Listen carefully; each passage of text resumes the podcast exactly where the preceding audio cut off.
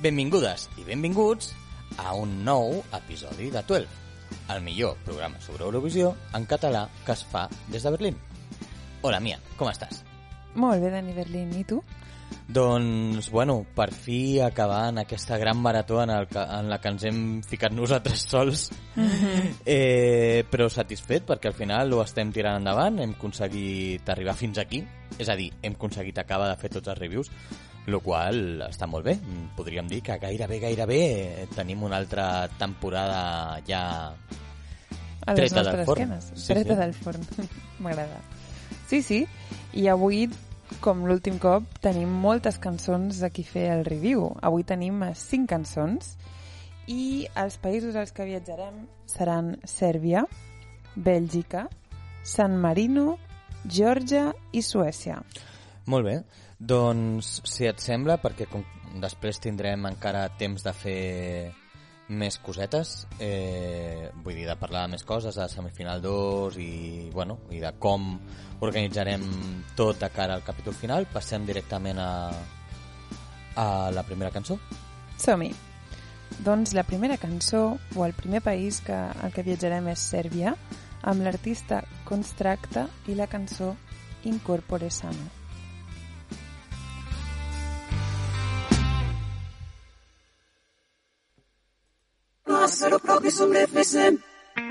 Koji li je tajna zdrave kose, Meghan Markle, koji li je tajna? Koji li je tajna zdrave kose, Meghan Markle, koji li je tajna? Koja li je tajna? Mislim da u pitanju je duboka hidratacija. Kažu da na koži i kosi se jasno vidi sve. Tamni kotovi oko očiju ukazuju na probleme s jetrom. Leke oko na možda uvećana slezina, uvećana slezina. Nije dobra, nije lepa. A umetnica mora biti zdrava. Biti zdrava, biti zdrava, biti zdrava.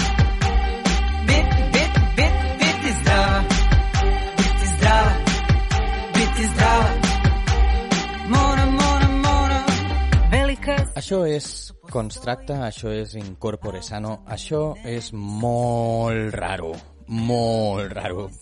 Des del principi que l'escoltes eh, i encara que li facis una segona, tercera, quarta, cinquena escolta, és molt raro. O no, Mia? Ho és. Jo crec que si veus el vídeo encara més, no? O la, les actuacions en directe et deixen també descol·locat. Sí, les dues coses. A, ca a cada una de, de les dues, és a dir, quan veus el, el videoclip, és, jo la sensació que, que tinc és de desassosiego. És com l'últim sopar, no? Però amb gent molt rara, el videoclip. Que estan tots allà al voltant d'una taula, no? Bé, no, no sé a què anava el videoclip, no sé si era la referència que volien trobar. I, I, per una altra banda, la seva actuació en directe, eh, si una cosa causa desassosiego, l'altra és disturbing. Mm, Està, està aquí al mig, entre qualsevol adjectiu eh, que vulgueu posar de algo bizarro, que et remou algo per dintre i no saps el què, això és el que aconsegueix Constracta amb aquesta cançó. I potser és el que volia crear, per tant, si, si això és, aquest era el seu objectiu, molt ben fet. Eh, però bé, passem a parlar una miqueta de l'artista, Constracta, Uh -huh. que és el nom artístic que té, el seu nom és alguna cosa així com Anna Duric o Anna Duric, no, no ho tinc molt clar, i és la guanyadora de la selecció nacional de Sèrbia, on es van presentar ni més ni menys que 36 propostes diferents i algunes molt potents, perquè Constracta no va ser sempre la, la favorita per guanyar. De fet, Dani Berlín, si te'n recordes, eh, nosaltres vam veure aquest, aquest programa, o part del programa, perquè era llarguíssim, i entre els participants hi havia la germana de Tamara Todevska, Efectivament. De fet, Tamara Todeska de Macedònia estava allà, Sí. a, com el grup de, de gent que anima el, Sí, sí. el, a la seva germana, en aquest cas. Sí. I també hi havia una actuació que era, en teoria, la favorita per guanyar, que era la de Sarah Joe, que era també bastant impressionant a nivell de posada en escena i de ball. I bé, però en qualsevol cas, eh, Constracta va guanyar de carrer.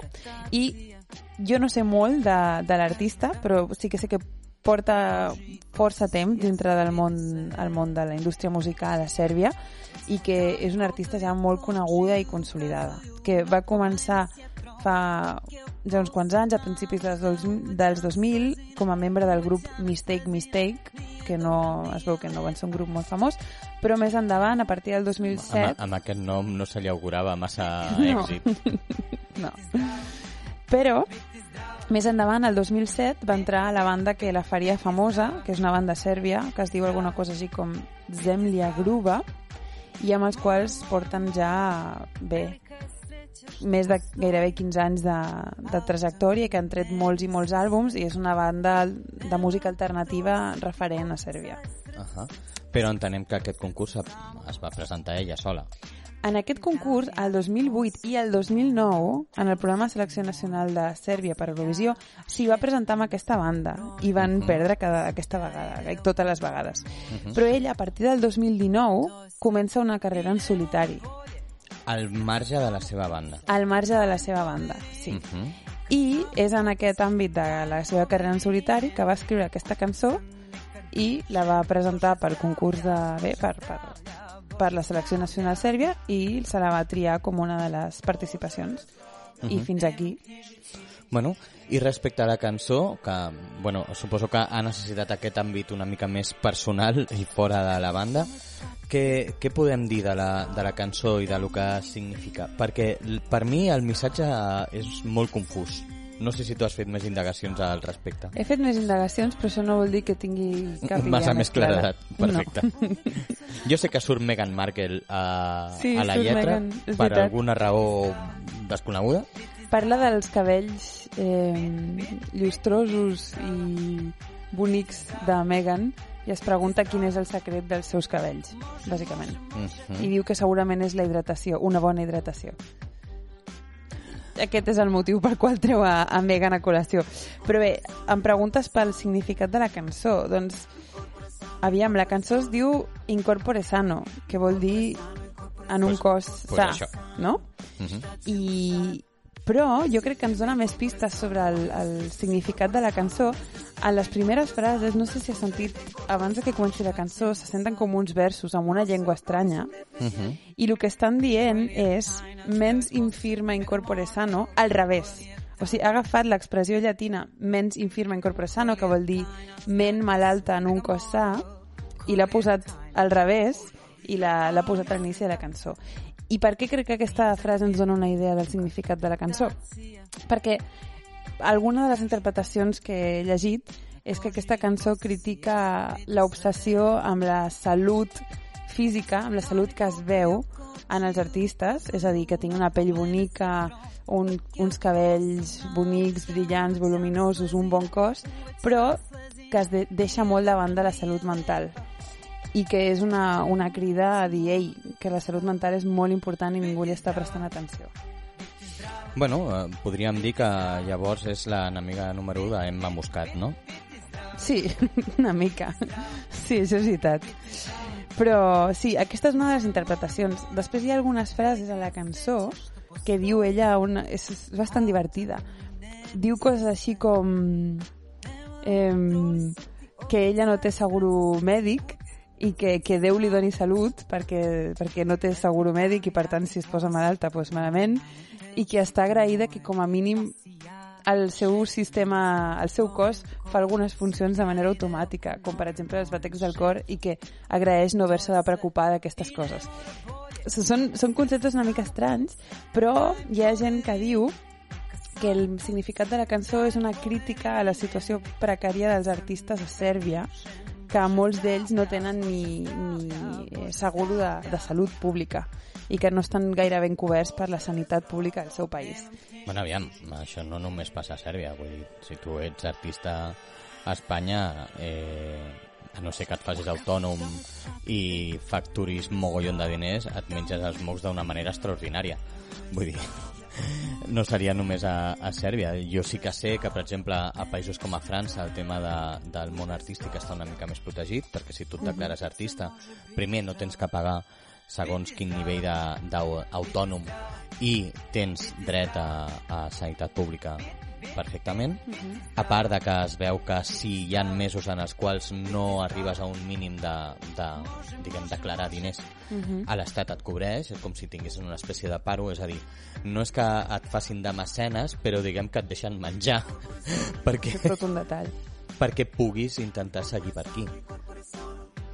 Eh, a mi, el de la posada en escena, que deia que em semblava molt disturbing, i, que, i el missatge confusing venia perquè el que va escollir per posar en escena és aquesta escena d'estar-se netejant les mans gairebé durant tota la cançó. Clar, perquè no té I- seguro mèdic i Clar. ha d'estar tenint molt en, molt en compte tot el que fa i la seva higiene per no posar-se malalta. Clar, i crec que, que amb les circumstàncies actuals es podria haver, i jo de fet vaig ser el primer que vaig pensar que això té alguna a veure amb el corona fijo. Mm Mm -hmm. Clar, perquè portem sentint durant mesos i mesos renta't les mans, renta les mans, no? Sí, sí. Però bueno, al marge del tema del, del missatge, jo haig de dir que la cançó en si, la, musicalment, és una cançó que té algo. Té, té algun tipus de hook amb, amb aquesta tornada que, que al final t'acaba atrapant. És una cançó que no funciona a primera escolta, pel, pel meu gust, però que sí que la, amb aquesta primera escolta li notes algo, que hi ha un algo que et crida l'atenció. I conforme l'escoltes més, diguem que et va atrapant. I sobretot quan més t'atrapa és quan l'escoltes atentament, és a dir, quan et poses a cascos, diguem-ne, et poses uns auriculars i escoltes els detalls. Escoltes detalls d'harmonia, perquè sobretot quan estàs veient l'actuació en directe hi ha coses que no aprecies. De- D'harmonia sobretot del baix i de teclats i tal. I quan ho escoltes, diguem, ben definit, és quan dius, ojo que la cançó té més del que sembla. I, i el fet de que s'hagi, no sé, que porti aquest missatge, que crec que és un missatge entre moltes cometes protesta, eh, molt específic, que a més tota la posada en escena acompanyi i que fins i tot a, a, en aquest, diguem, concepte una mica loco que hi ha eh, la música també acompanyi tot, crec que ho fa un, produ un producte que funciona, al final funciona. I, I em sembla una molt bona opció, de veritat. I en qualsevol cas és força trencador amb el que Sèrbia sol portar. Sí, que sempre porta la típica senyorona, rollo Rocío Jurado a lo balcánico. Sí. Jo crec que això és d'agrair, no? Ja ho, he vist, ho hem vist en força països aquest any. Jo crec que no ens esperàvem tampoc d'Albània, el tipus de- d'intèrpret que porten, i, i veig una cosa semblant a Sèrbia. I està tenint molt d'èxit la cançó, de fet, està en molts rànquings a nivell d'escoltes, i bé, jo, jo estic contenta. Només dic que, a part de ser músic, aquesta bona dona també és arquitecta. O sigui, és una d'aquestes polifacètiques que, que hem vist durant tots aquests dies. Suposo que deu haver tingut molt d'èxit aquesta cançó a Eslovàquia, no? A què et refereixes, Dani Berlín? Perquè clarament a la tornada diu Bratislava, Bratislava... jo és el que escolto tota l'estona. Doncs ja està, si tu ho escoltes, res a dir. Segur que és això. Bé, Bueno, molt bé. Pues passem a la següent cançó, Mia. sí, doncs ens n'anem a Bèlgica amb l'artista Jeremy Maquise i la cançó Miss You.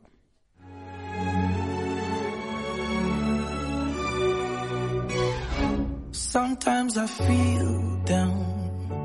Sometimes I booze. Sometimes I fall. Sometimes I do wrong. One day I'm cool. One day I'm cold. And I've been trying to escape my past. Give up on the sadness that you left behind. I've been trying to erase my mind. You stay like a nightmare when I close my eyes.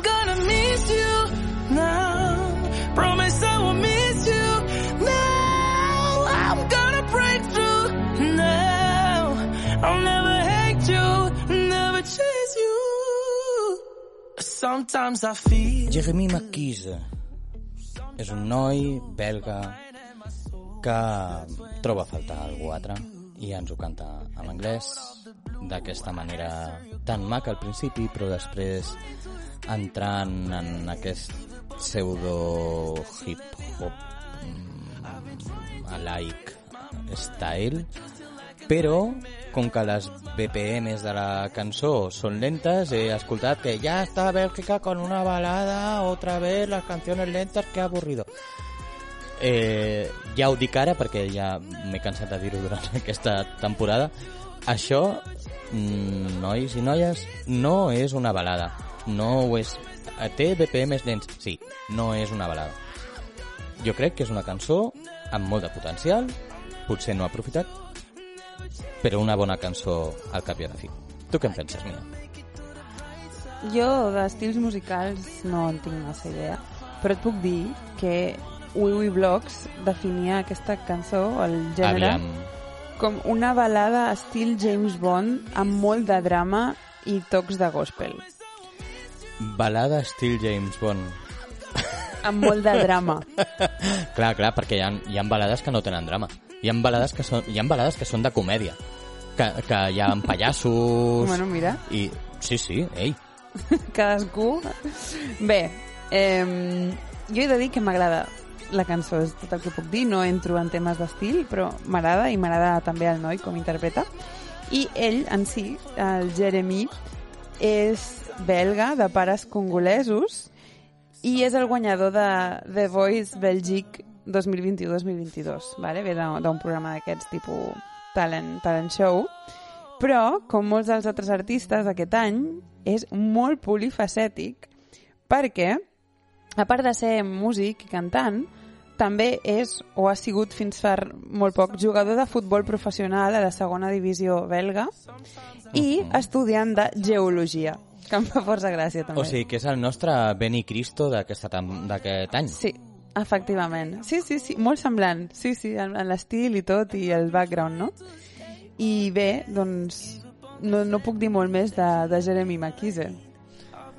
Bueno, a mi, jo si haig de dir alguna d'ell, eh, bueno, ja us aviso, per si no ho heu notat, que la Mia és la que ha estat fent les, diguem, les investigacions eh, durant aquests últims programes i jo m'he dedicat més a, a ser un opinador. Eh, jo, eh, eh, des d'aquí, si us plau, nois que porteu eh, tertúlies televisives de gent que opina de qualsevol cosa, aquí estic. Eh, L'únic que puc dir d'ell és que crec que té una veu molt interessant, molt, molt, molt interessant. Crec que té un trencat molt maco eh, i que transmet molt, la veritat, quan, quan canta. Potser li falta un pèl de potència quan puja, o sigui, quan puja trenca, trenca, trenca, però sembla que se li apagui una mica la veu, si li, si li haig de trobar algun però. Però crec que, tenint en compte la seva joventut i tal, crec que és que té un futur per endavant molt bo i crec que, que la seva carta de presentació amb aquesta cançó és superbona. Mira, doncs, molt bé. Comença fort. Eh, què podem dir de la cançó? Jo he estat mirant els...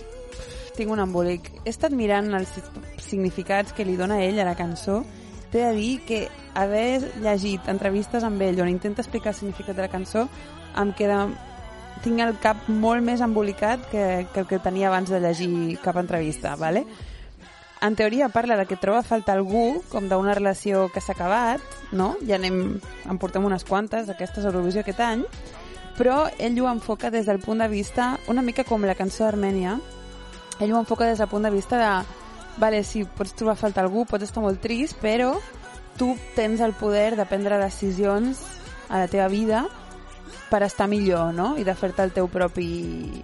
bé, el teu propi destí. I, de, I diguéssim que ell mateix diu que la cançó va sobre tenir el coratge i ser valent a l'hora de prendre decisions importants de les nostres vides. I aleshores, i això és el que no entenc, no sé si has vist el videoclip, però surt com un confessionari en un cotxe. Ai, sí, és cert. I ell diu que ell volia representar el poder de la religió, el poder que té la religió per ajudar-te a tenir fe en tu mateix, a prendre decisions, i ell el volia d'alguna manera representar amb aquest cotxe. I, no, no sé, amb, amb, jo què sé, em va semblar una mica raro, però com que intentava buscar una mica l'analogia amb la religió com una cosa que et dona força i que ell vol que aquesta cançó també doni força a la gent a l'hora de prendre decisions. Un liu, no m'he enterat molt, ho sento. Ai, bueno. A saber, al final, i jo ho dic com a compositor, a vegades comences amb una idea al cap, eh, però després te'n recordes que també pots fer un guinyo amb una altra cosa, acabes liant conceptes, i acabes volent parlar de, de moltes coses amb, amb el poc espai que et dona una cançó i acabes fent una mica de, de follon. Però bueno, eh, jo sobre, sobre la cançó tinc, diguem, tres, tres apunts. El primer és eh, Hello Michael Jackson. Vull dir, aquesta cançó, la tornada, eh, és Dirty Diana. És clarament Dirty Diana de Michael Jackson eh, per al, diguem, quina és la cadència i com, i com entra el I'm gonna miss you now i aquesta pausa aquí al mig. Eh, segon apunt, crec que la cançó en general li falta agressivitat. És a dir, sembla que tingui un esperit una mica com agressiu, com de dir-te algo in your face, i puja per arribar a aquest nivell, sobretot a, a nivell rítmic, però no l'acompanya la producció de sintetitzadors, l'agressivitat en el so de les bateries. Jo trobo a faltar moltíssim, com potser passa a Dirty Diana, una guitarra elèctrica, eh, i crec que es queda a mitges amb aquest aspecte. I també, sumat amb això, crec que li falta una mica d'apicitat a la cançó. Crec que, sobretot al final de tot, que la cançó hauria de créixer moltíssim, no acaba de créixer tot el que hauria. O sigui, fa, provoca molt de hype aquella coda que hi ha després de la segona tornada i sembla que vagi creixent, creixent, creixent, creixent i la última tornada sona exactament eh, igual que les anteriors i no acabo d'entendre de, massa bé per què passa això. Si amb això li sumes el que he dit abans, que crec que amb ell li falta un pèl d'agressivitat a, a la veu quan puja, és a dir, que sembla que se li apagui, pues et queda pues això, et queda com un ah, quiero però no puedo. I no sé fins a quin punt pues, és el que estava intended o no. I això ho dic com a crítica a la cançó. Dit això, a mi també m'agrada la cançó. Em va agradar des de que va sortir crec que és una molt bona entrada per Bèlgica. Però crec que li falta un puntet d'algú. Bueno, potser ens sorprèn a, la, a les semis, no? Potser amb, amb el directe guanya... Sí, potser la posada potser en la escena... posada en escena és espectacular. Jo no he vist, crec, res de la posada en escena, em sembla. No recordo haver vist cap imatge de, No, jo tampoc. En això, si plau, eh, um, disculpeu-nos, perquè com bé sabeu, o si no ho sabeu us ho expliquem, hi ha molt de material per veure sobre Eurovisió cada any eh, i cada any jo crec que anirà més perquè a partir de la pandèmia s'ha multiplicat la quantitat de material que surt de cada artista per això jo sempre dic això de la carrera en quatre fases no? o sigui, primer és que surti la cançó després tota la promoció que es fa abans de, de les dues setmanes d'Eurovisió Eh, després, durant les dues setmanes d'Eurovisió, dic això perquè és la setmana d'assajos i després la setmana en què comença, tot el que hi ha al voltant de com es comença a veure els primers hints de posades en escena, de com funciona la veu en directe, de si afina o no afina, de milers de coses, i després l'última part és la, diguem, la posada de llarg de la cançó a la semifinal que toqui o a la final o el que sigui amb aquestes quatre fases. I durant aquestes quatre fases, clar, entre que surten concerts a casa, eh, de les preparties, actuacions a preparties, eh, i surten després també els assajos, diferents assajos, amb gravacions amb el mòbil, amb gravacions de no sé què. Eh, al final hi ha tant de material que o et dediques a una feina eh, full time 45 eh, això o és molt difícil seguir tot. Nosaltres ho intentem, de veritat que ho intentem, estar al dia de tot, però a vegades no arribem. I en aquest cas, doncs, jo, si vols que tinc veritat mia, tampoc he vist res dels assajos, ni he vist cap comentari al respecte de com ho farà. Lo qual, a lo millor, tampoc és massa bo, perquè si no ha cridat l'atenció vol dir que tampoc... Mm, Potser tampoc és dolent. tampoc és dolent perquè no ha cridat l'atenció per dolent. Efectivament. En qualsevol cas, aquest ha estat en Jeremy Maquisa i des d'aquí ens traslladem fins a la petita i bonica ciutat-estat de San Marino amb l'artista Aquile Lauro i la cançó Stripper. Sometimes I fall.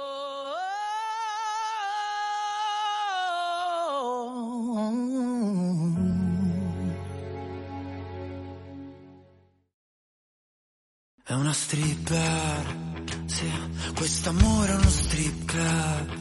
Ah, il mio cuore in un freezer, sono a letto col killer, thriller, like a virgin, virgin non è un film London Calling, corri, ah, love Britney, e il diavolo non ha perché,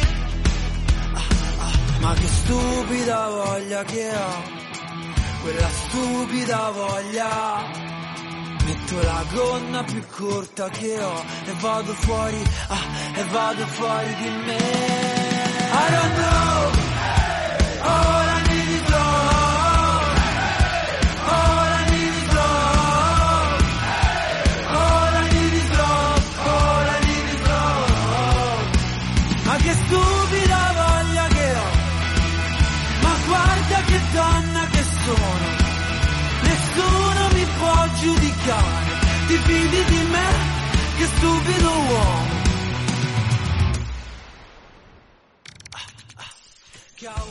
Doncs això que sona és Aquile Lauro, stripper.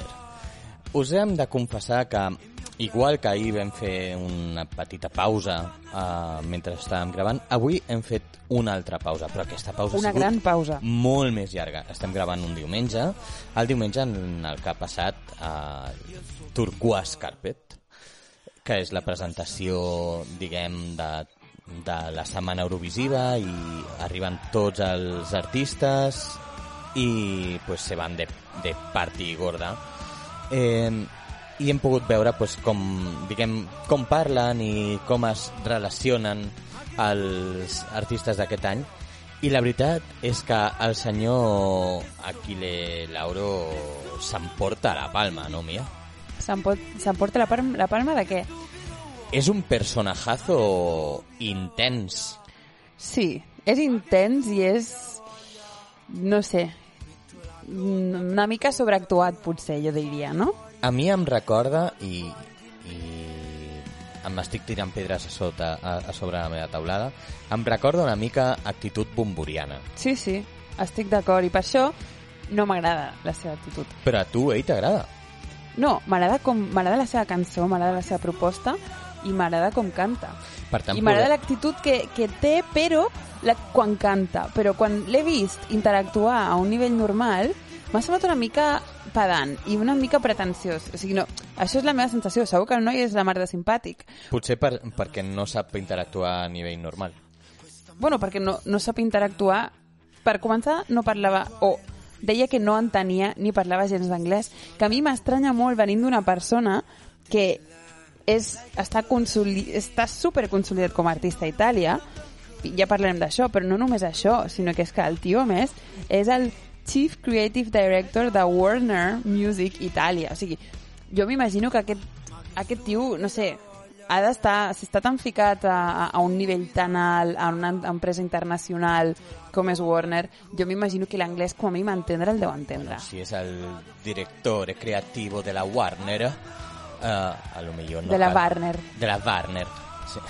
Bé, en qualsevol cas, ha estat una mica estrany perquè no podia parlar directament ni en teoria entenia res directament i, i no entenia res en anglès i tal, i ha estat una mica difícil veure veure, ma, veure una mica com és ell, perquè no podia parlar. Però les seves actituds, les seves poses, les seves cares, no? mirant tota estona a l'infinit i amb una pose així com de indolència, no? per dir-ho així, no m'ha acabat d'agradar. Però... Sí, tenia una pose de superioritat tota l'estona. Sí. Però bé, més enllà d'això, si parlem estrictament d'ell, Aquile Lauro, com ja hem dit, és un artista molt i molt consolidat a Itàlia. Ha participat a San Remo dues vegades, ja, de fet va perdre contra Mahmoud, eh, i ha participat també a, bé, al festival de Una Voce per San Marino quatre Sí, vegades. perquè recordem que estem dient coses d'Achille Lauro com a artista italià, però estem parlant de l'entrada de San Marino. Clar. Bueno, Zenit també era italiana. Sí, sí, sí. Bueno, i per no parlar de Serhat o de Floraida, que no, no saben... No, no sé com estan connectats amb San Marino. Però sí. Però bé, Aquile és un artista italià molt consolidat, és un artista massiu eh, que toca categories, bueno, en, eh, tipus de música tipus hip-hop, rock, però coses molt diverses, també música de cantautor italiana. Té vuit discos i dos mixtapes, que no sé exactament què, què deu voler dir. Això són les, les cintes que li gravaves a la noia que t'agradava. Ah. Saps? Doncs les ha publicat. Sí, les ha... He puesto eh, el estilo Vinyú de Scorpions Sí. porque me gustas un montón. Això, Això és el firm, que té. firmado Aquile Laura. És que abans era un romàntic. Clar, clar. I, i bé, i va guanyar una botxa per San Marino enguany eh, contra, competint contra grans artistes no, Dani Berlín. Home, recordem que va estar la nostra estimada Cristina Ramos, eh, que no va estar ni al top 10. A San Marino. O sigui, clar, si no arribes al top 10 a San Marino, no sé on et quedes a Eurovisió. S'ha de dir que apenas hi havia artistes eh, de San Marino a una I- botxa i, la, San I la cançó que portava Cristina Ramos era, Era un, horrible, era un era un- pastitxe sí, sí, sí. brutal.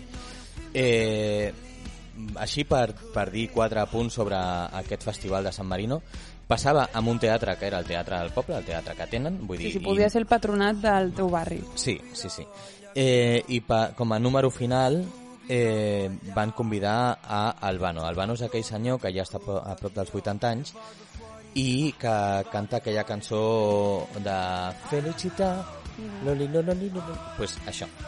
Eh, a part, eh, hi havia un senyor presentador i la mestra de cerimònies, per dir-ho d'alguna manera, era eh, Zenit, que va ser la, la participant per part de San Marino a l'any passat i a L'anterior. a l'any que no va ser. Eh, va haver un número molt maco també de Zenit amb eh, amb Valentina Moneta. Mhm. O sigui, allà a sobre de l'escenari hi havia sis anys de participació sanmarinesca Amb representada amb dues amb, persones. només amb dues persones, perquè cada una ha anat tres. De fet, Mhm. San Marino ha anat 13 vegades a Eurovisió Mhm.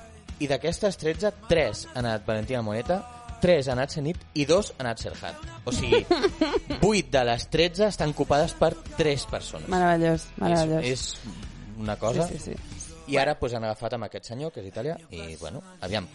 Eh, parlant ja en si de la cançó, Mhm. eh, el, el, missatge, el missatge de la cançó exactament per on va, mira. Aviam, mm, no sé, el, el que jo he llegit, el que diu ell mateix la cançó, és que és un himne feminista que tracta sobre com viure sobre ser, com ser una mateixa, perquè va des, des d'un punt de vista femení, parla d'una stripper, i, i parla de, sobre com pots ser tu mateixa malgrat les crítiques dels altres, no? Crec que va molt sobre el tema de, de que les dones tinguin eh, ownership, ja no sé com, com dir-ho, tinguin ah, control sobre la seva pròpia sexualitat i els seus propis desitjos i, i jo crec que fa servir la figura d'una stripper per, per exemplificar tot això, no?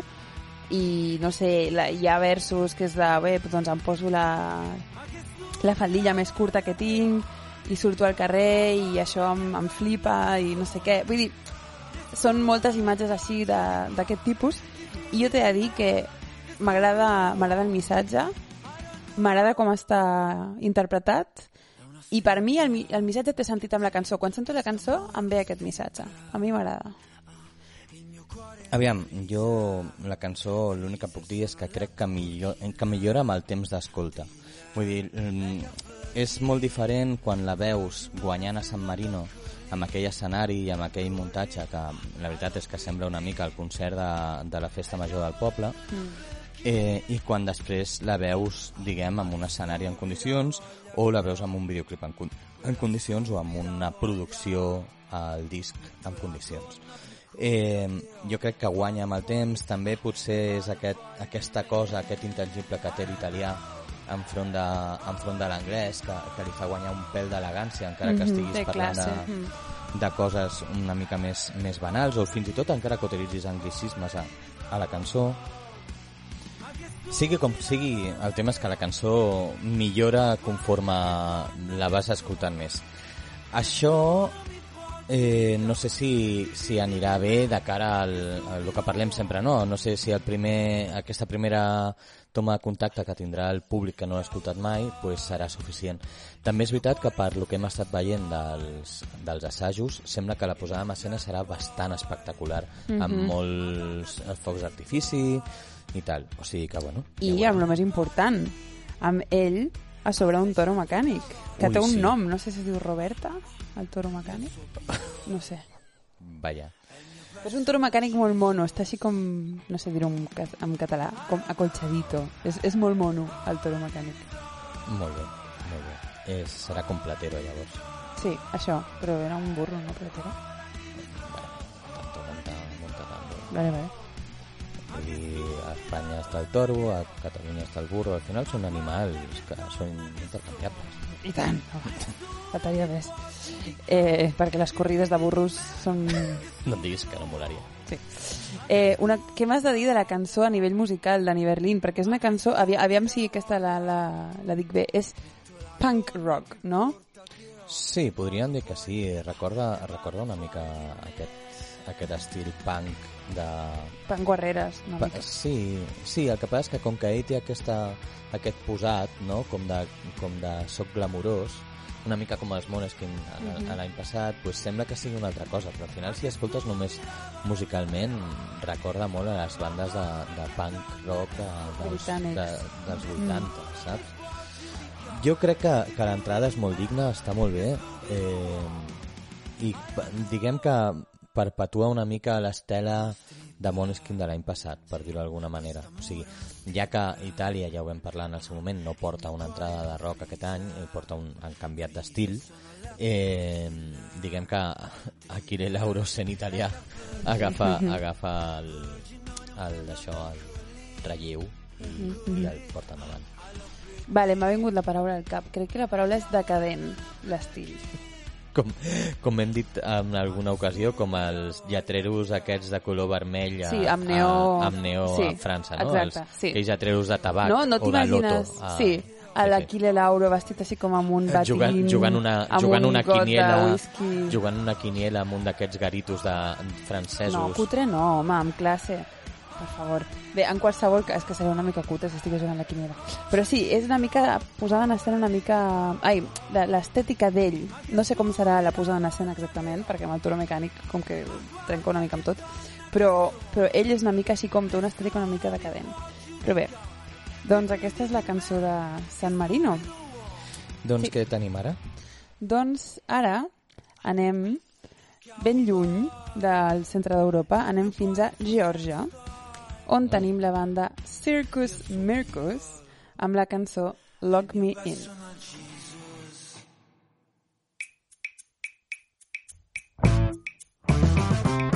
Show me what you got. On the count of, from the ground up now. Here we come as we are now. Mama said not to show what you're. Step it up now. Get it done now. Ah, hey, what you got? It to the stars. To the top now. Cross the moon and down. We're here till we blow up. Trying hard we'll not get you really far. Mix it up now. It's alright, pal.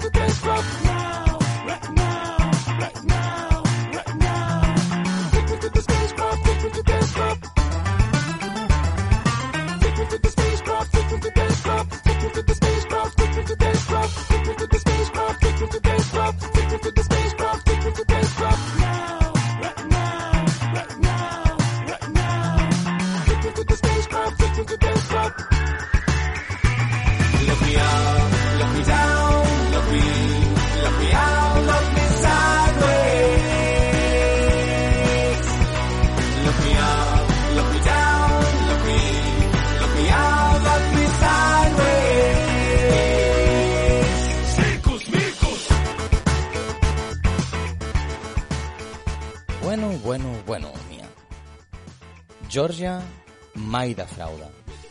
A mi no. Geòrgia sempre porta algo que dona que parlar diguem que és food for soul, per dir-ho per dir d'alguna manera. Sempre porta algo que dius hosti, que bé, que guai que Georgia estigui a Eurovisió. Sí, estic molt d'acord. Jo sóc una superfan de Georgia.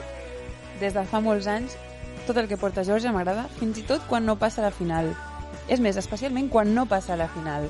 Perquè encara me'n recordo l'Etno Trio Jazz, crec que va ser el 2019, que a mi Sí, em sí. flipava i, bueno, crec que van quedar últims de la seva semifinal. Però sempre és alguna cosa de molt interessant i que se surt d'allò que és convencional, per dir-ho així. Sí, de fet, bueno, a mi el que m'agrada més és que l'entrada d'aquest any, igual que potser va passar a l'any passat amb el Tornic Equipiane, bueno, no només l'any passat, sinó L'any a anterior. l'anterior, et porta en un món com de psicodèlia, però Mhm. aquesta vegada d'una manera molt, molt, molt directa, perquè jo, la primera vegada que vaig escoltar la cançó vaig dir hosti, Frank Zappa. Mm -hmm. Sí, vaig veure Zappa clarament en, en Circus Mircus. Sí, bueno, jo no, no sé si vaig veure Zappa, però vaig veure una cosa molt psicodèlica, tipus anys 70, i em va encantar. Des de la primera escolta vaig dir, vamos, amb Georgia full. I bé, de fet, és normal que sigui una, una entrada molt especial i molt diferent, perquè els integrants de la banda Circus Mircus són molt i molt especials, diria que són únics. Perquè, com el seu nom indica, no són gent que fossin músics de, de professió o de formació, sinó que la banda la conformen eh, quatre persones que estaven aprenent per ser per, per treballar al circ. Estaven com a l'acadèmia de circ. Fins que es van adonar que no eren massa bons, no tenien un gran futur dintre del món del circ, i aleshores van decidir, bé, muntar una banda de música. Està bé, eh, parla, parla molt bé de, de Sí. nosaltres, dels músics.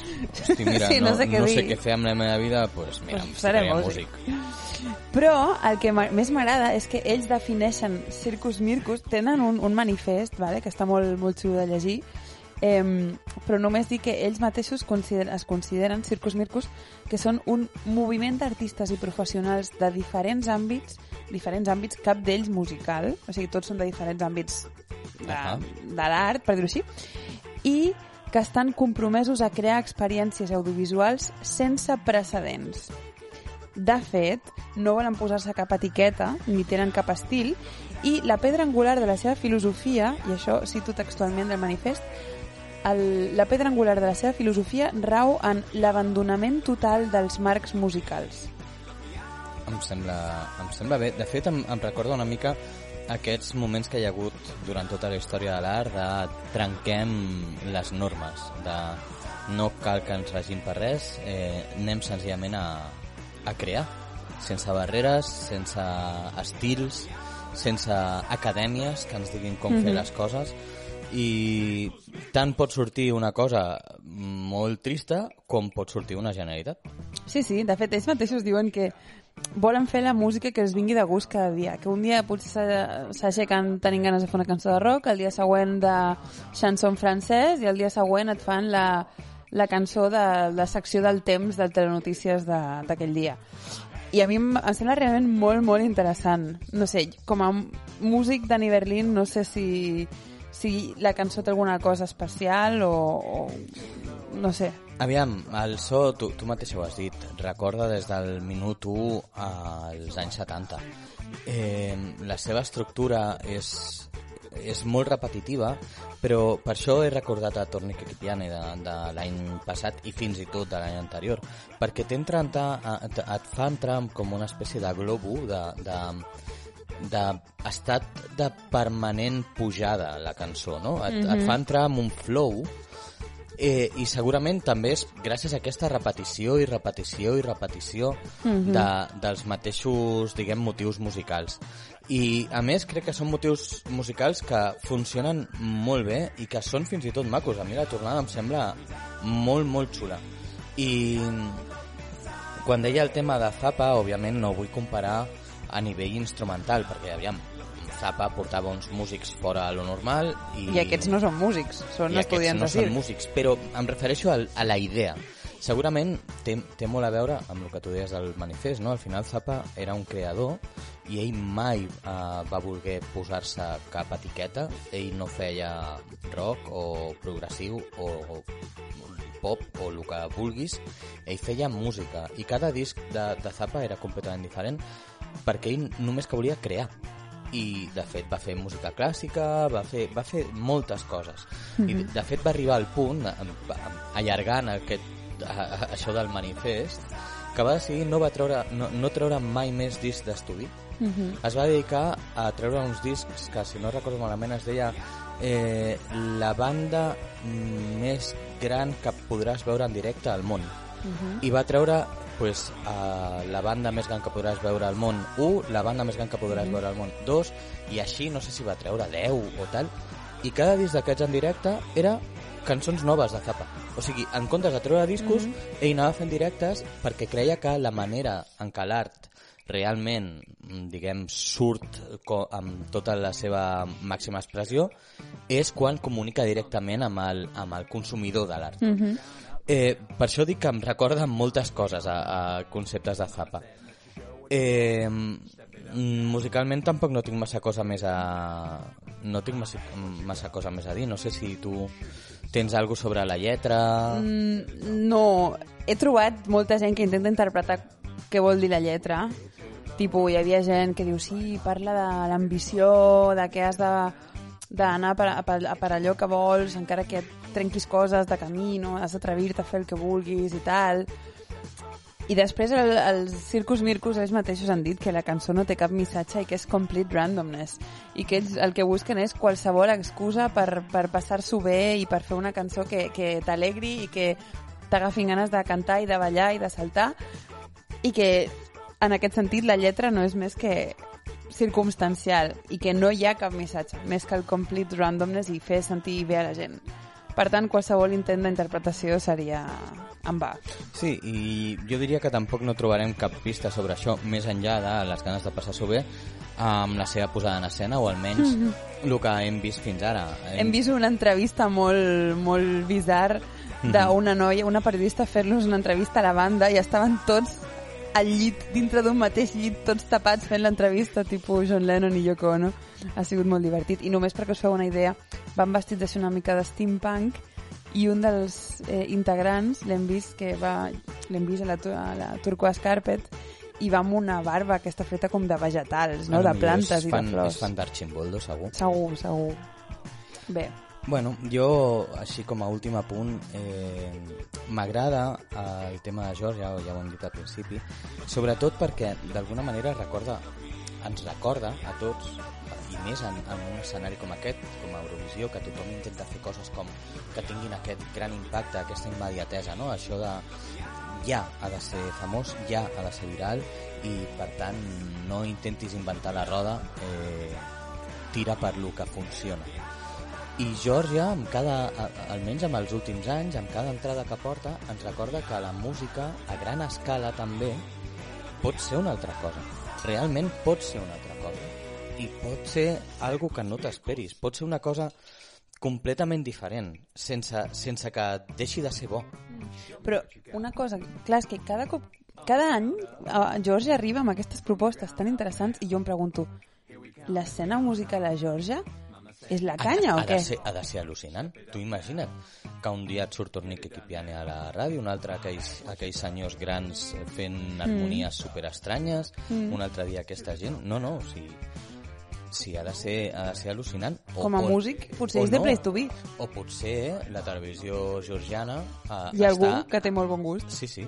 Mm. Diu, "Ah, avui aniràs tu. I al millor el seu país està... Però què aquest tio? Bé, No sabem, no sabem. i tampoc sabem si passarà a la final, aquesta és una altra. Però a nosaltres No. ens agrada molt, i això ja és suficient.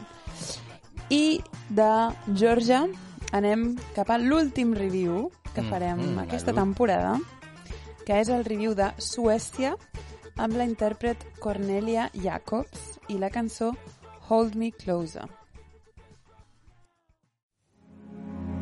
No need to apologize. Cause there's nothing to regret. Well, this is not what I want. Guess all the good things come to an end. So baby, bye bye. Wish you the best. But most of all, I wish that I could love you less. Well, maybe you're right. I'll find someone else. You say it isn't me, but when did that ever help?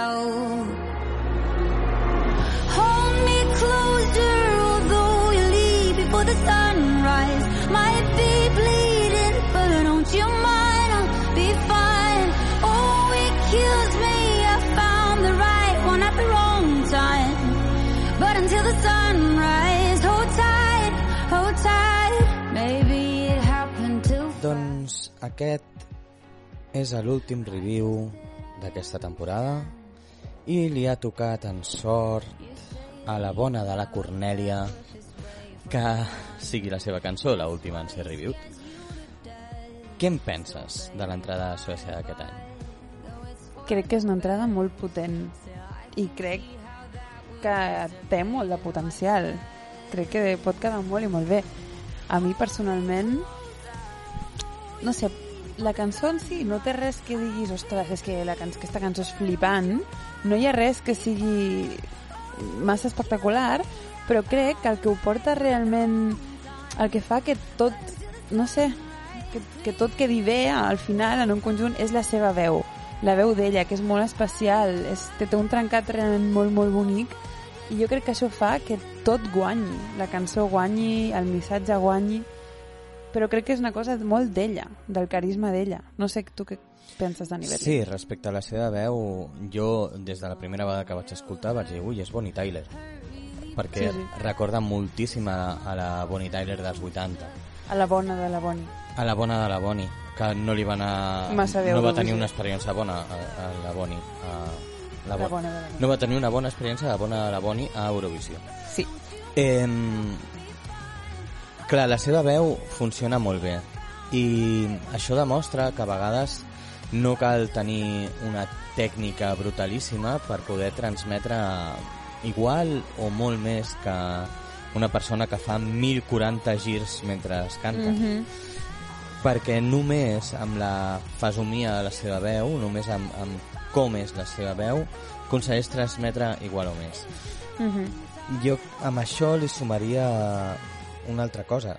És veritat que la cançó no és res de l'altre món, amb això estic completament d'acord amb tu, vull dir, són com aquell que diu quatre acords, són cinc, però quatre acords, eh, però el tema que té la cançó és que la producció és impecable.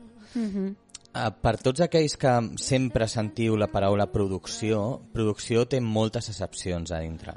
Producció va des de mescla, és a dir, com s'han mesclat els instruments, com s'han equalitzat, però també té a veure amb qui ha decidit on va què o com es fa cada cosa, és a dir, si el ritme de bateria és d'una manera o d'una altra, si és molt ple o és més aviat buit i deixa molt d'aire, si està molt carregat de sintetitzadors o no, si els, sintetitzadors, els sintetitzadors que sonen fan moltes notes o no, si es posen coros en una part determinada o no, tot això també és producció, que al final és agafar i dir, vale, tinc la cançó, la cançó és aquesta, aquests acords i aquesta melodia, anem a vestir-la. Això és la producció. I en aquest cas jo crec que la producció és impecable, de dalt a baix. És a dir, els sons triats són molt bons, encara que sigui la típica cançó que comença amb balada, la manera que té d'introduir els instruments gairebé un a un, o sigui, com comença la bateria a començar a entrar, però és el baix el que acaba entrant primer, abans que els bombos i que els plats, després entra el bombo, després entra el plat, i, i com creixen els sintetitzadors a la tornada, o sigui, a partir de la segona estrofa, la cançó creix i creix i creix i creix i et porta. I, i és molt senzill, però et porta. I després ve l'elecció d'acords, hi ha unes variacions d'acords que la fan encara més interessant, mantenen la tensió fins al final. I totes aquestes eleccions són de producció. I si això li sumes que està molt ben produïda i que la veu és perfecta, perfecta en quant a personalitat i en quant a interpretació, Mhm. tens una entrada guanyadora. Mhm, I de fet està allà, no?, en els tops, tops. Sí, i aviam, què podem dir de la Cornèlia? Doncs la Cornèlia ja ve d'una família musical, de fet és filla de- d'un músic suec, no sé massa de... de Serà de la Penyuqui. Serà de la Penyuqui, pot ser. I ella va començar a la música des de ben petita i ja de manera professional com a membre de la girl band Love Generation, que jo no la coneixia. I que eh, aquesta banda, Love Generation, ja es van presentar dues vegades al Melody Festivalen per intentar representar eh, a Suècia Eurovisió, però no ho van aconseguir. I bé, no ha estat fins ara que, que ella ho ha aconseguit en solitari, no? De fet, és, és això el que tinc de, de Cornelia Jacobs, no tinc massa més informació. Eh, crec que era la favorita de carrer al, Sí, al sí, sí, Melody Festivalen, per tant crec que no va sorprendre massa ningú i jo t'he de dir que vam veure el Melody Festivalen o, o la, només la final o part de la final i el nivell em semblava tan horrible i va ser, crec que ella va ser l'última que va tocar i va ser com un buah, no, no hi ha manera al món que, pugui que perdre pugui anar un altre. Clar, no, que pugui anar un clar, altre que no clar. sigui ella perquè De fet, realment té molta força És molt curiós perquè aquest any, això ho hem dit, ho hem dit diverses vegades de, de diversos participants, que han guanyat les seves, les seves respectives finals per incompareixença de rivals, però això podria fer-te pensar que les entrades tenen un nivell més baix, perquè clar, si, si guanyen perquè no, fal, perquè no hi ha ningú més, doncs no serà tan bona. Eh, però tot el contrari, perquè recordem San Remo, per exemple, vull dir, és una entrada molt bona. A, a Monk, eh, moltes entrades, d'entrades, que, sí, sí. que no, que no. I, I amb el cas de Suècia és exactament el mateix. sí, sí Eh, jo l'únic que puc acabar d'apuntar és el tema de posada en escena. Sembla ser que és un... Bueno, que van quedar molt contents amb la posada en escena tal com es va fer a la final sueca. Eh, hi ha aquest cercle lluminós que va Mm, amb canviant de verd verda, a, a vermell, em sembla, en algun moment Mhm. i tal. Eh, I serà, pel que hem vist als assajos, bastant, bastant igual. O sigui, no, no crec que hi hagi massa sorpresa per aquest costat. Mhm.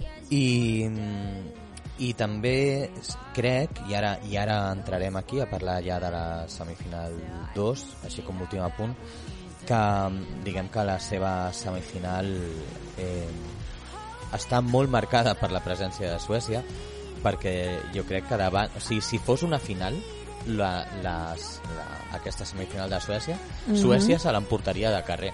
O sigui, Mhm. és, és de...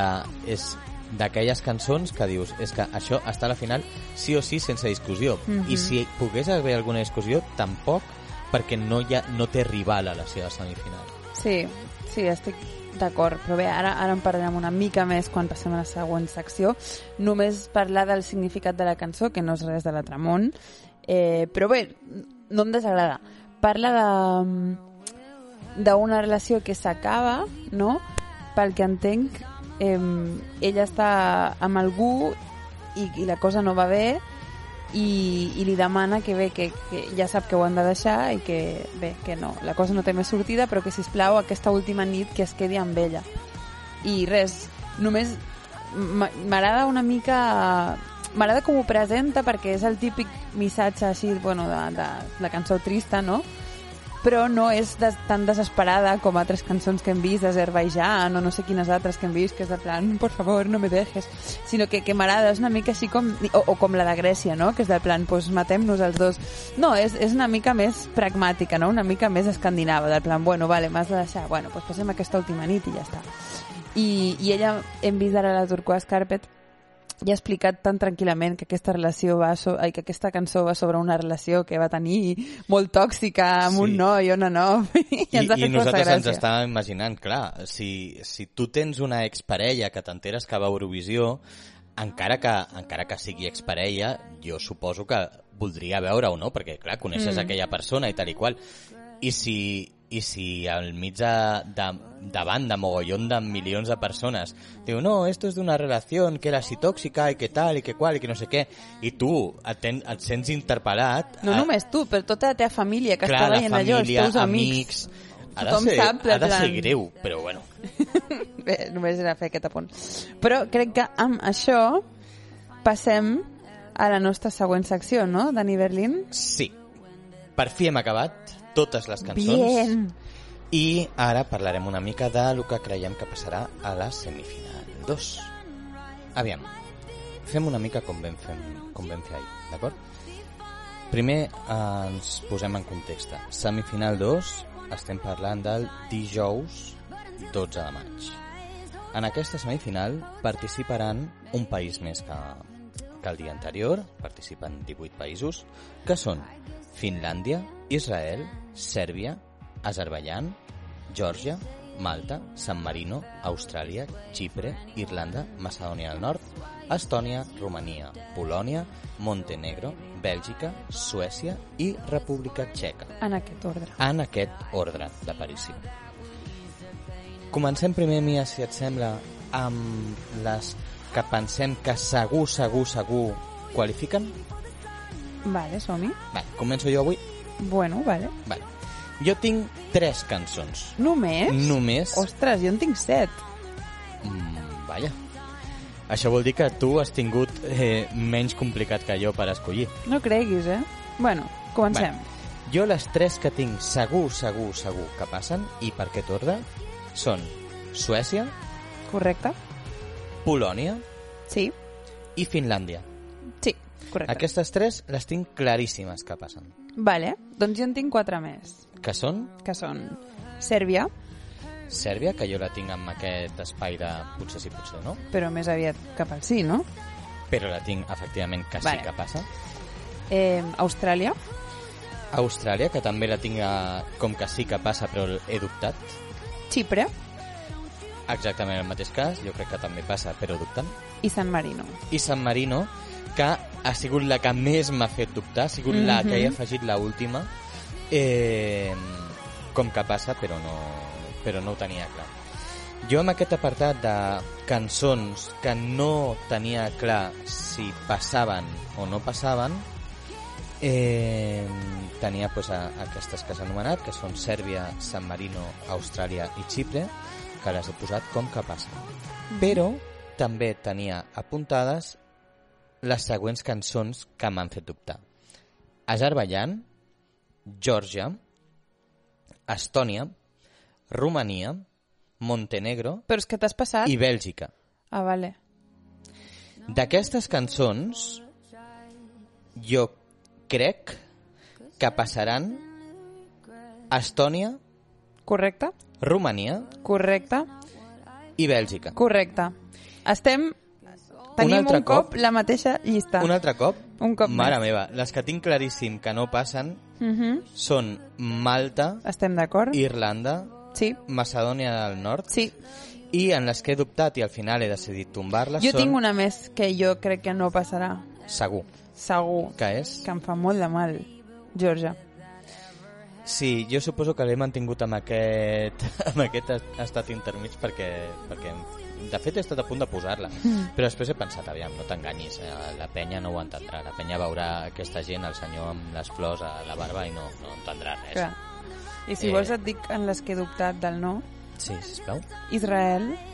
ai, clar, els pobres d'Israel que no, els he, posat? no, que no els he anomenat no, no, eh, No els has ni posat. Sí, sí, sí, els he posat com que al final no, era un al- Mhm. l'altre país que estava dubtant, i de fet a última hora jo he dubtat entre tres països per la última plaça que tenia aquí apuntada, que eren Israel, San Marino i República Txeca. Mhm. Tu què en penses d'Israel i, de, i de República Jo Txeca? Israel i República Txeca els he posat en el no, no en el no segur segur, però en el tendint al no. Eh, crec que Israel, el tio és un portento, però potser és una mica massa. Sí, potser és una mica una massa mica intens. intensito. Sí, sí, sí. sí. I República Txeca, la cançó crec que és una passada. Però les, les interpretacions que els he vist no m'han acabat de fer el pes. Jo crec que poden punxar fàcilment. Completament d'acord. Fins i tot no només les interpretacions, sinó també les posades en escena que hem vist de, en els, això, en els assajos. Perquè ella es mou una mica com si estigués en un club, però no, no ho dic en quant a Jolín, que, que divertida és, sinó en quant a... Amb un club de Berlín, no? Amb, sí, com A he, he begut una mica de més i estoy aquí i, i, pu- però podria estar en un altre puesto. I també he dubtat amb Azerbaijan i Montenegro, però he tendit cap al no amb les dues. Pues sí, exa pues, jolín, tu, estem completament d'acord. És increïble, perquè estem arribant a un nivell de connexió, Mia, amb això d'Eurovisió. Uau, uau, uau. sí, Bueno, por. doncs amb això hem fet tot el repàs de totes les cançons, del que creiem que passarà el dimarts, de lo que creiem que passarà el dijous, i us preguntareu, i ara què fareu? Doncs ara el que farem eh, serà deixar aquest programa programat, valgui, la redundància, perquè demà eh, es publiqui i pugueu disfrutar d'ell perfectament. Llavors nosaltres demà ens estarem preparant eh, no només psicològicament, sinó també en quant a, diguem, a les- Logísticament. logísticament eh, pel, pel viatge del dimarts i el dimarts eh, anirem tirant cap a Turí. Us prometem que de tant en quant, amb el nostre viatge a Turí, pues, si trobem alguna imatge interessant, alguna cosa que creguem que pot ser de, del vostre interès eh, respecte al Mundillo Eurovisió, la, ho publicarem al nostre Instagram. I si podem, això ja ho poso una mica més en dubte, si podem i logísticament ens ho, ens ho podem permetre i podem gravar alguna encara que sigui super petit o encara que sigui eh, un directe a Guerreres a Instagram o el que sigui, intentarem fer-ho per, bueno, per explicar-vos com estan en tot i tal. Eh, no prometem res, de totes. O sigui que després, al final, entre una cosa i altra, Aperol Spritz tras Aperol Spritz, eh, sí. ens liem i se'ns oblidi. I, bueno, i després d'això, pues, arribarà la final, eh, després de la final agafarem el cotxe i tornarem amb, amb un, una motxilla plena de records I d'experiències. i per d'experiències cap a casa i quan s'hagi, diguem, assentat la polseguera d'Eurovisió, segurament a una setmana després, dues setmanes després, igual que vam fer l'any passat, ens reunirem amb els nostres col·labor col·laboradors estrella, si, si es deixen, per donar-vos un programa especial, especialíssim sobre la final d'Eurovisió. I res, i dir-vos que ha sigut un plaer passar aquest cap de setmana en maratonia repassant coses d'Eurovisió. Espero que vosaltres també ho hagueu disfrutat. Espero que tu també ho hagis disfrutat molt, Mia. I tant, sobretot els Aperol Spritz. Sí, no? Sempre No hem parat, programa eh? programa. Ha sigut un no parar de Prosecco por aquí, Prosecco por allí, Aperol Spritz, eh, macchiatos, eh, no sé, tot italià. Ahir vam sopar pizza, ha sigut un això. Eh, com sempre, si teniu algun comentari, si ens voleu donar la vostra opinió, si ens voleu matar per les nostres opinions, que sapigueu que ho podeu fer als comentaris d'iVox, eh, a Instagram, a Twitter, a Facebook, a on vulgueu. Estem sempre disponibles per vosaltres i, l'ho dit, moltes gràcies a tots. Moltes gràcies i bé, a gaudir de la setmana Eurovisiva. Fins aleshores. Adeu! Before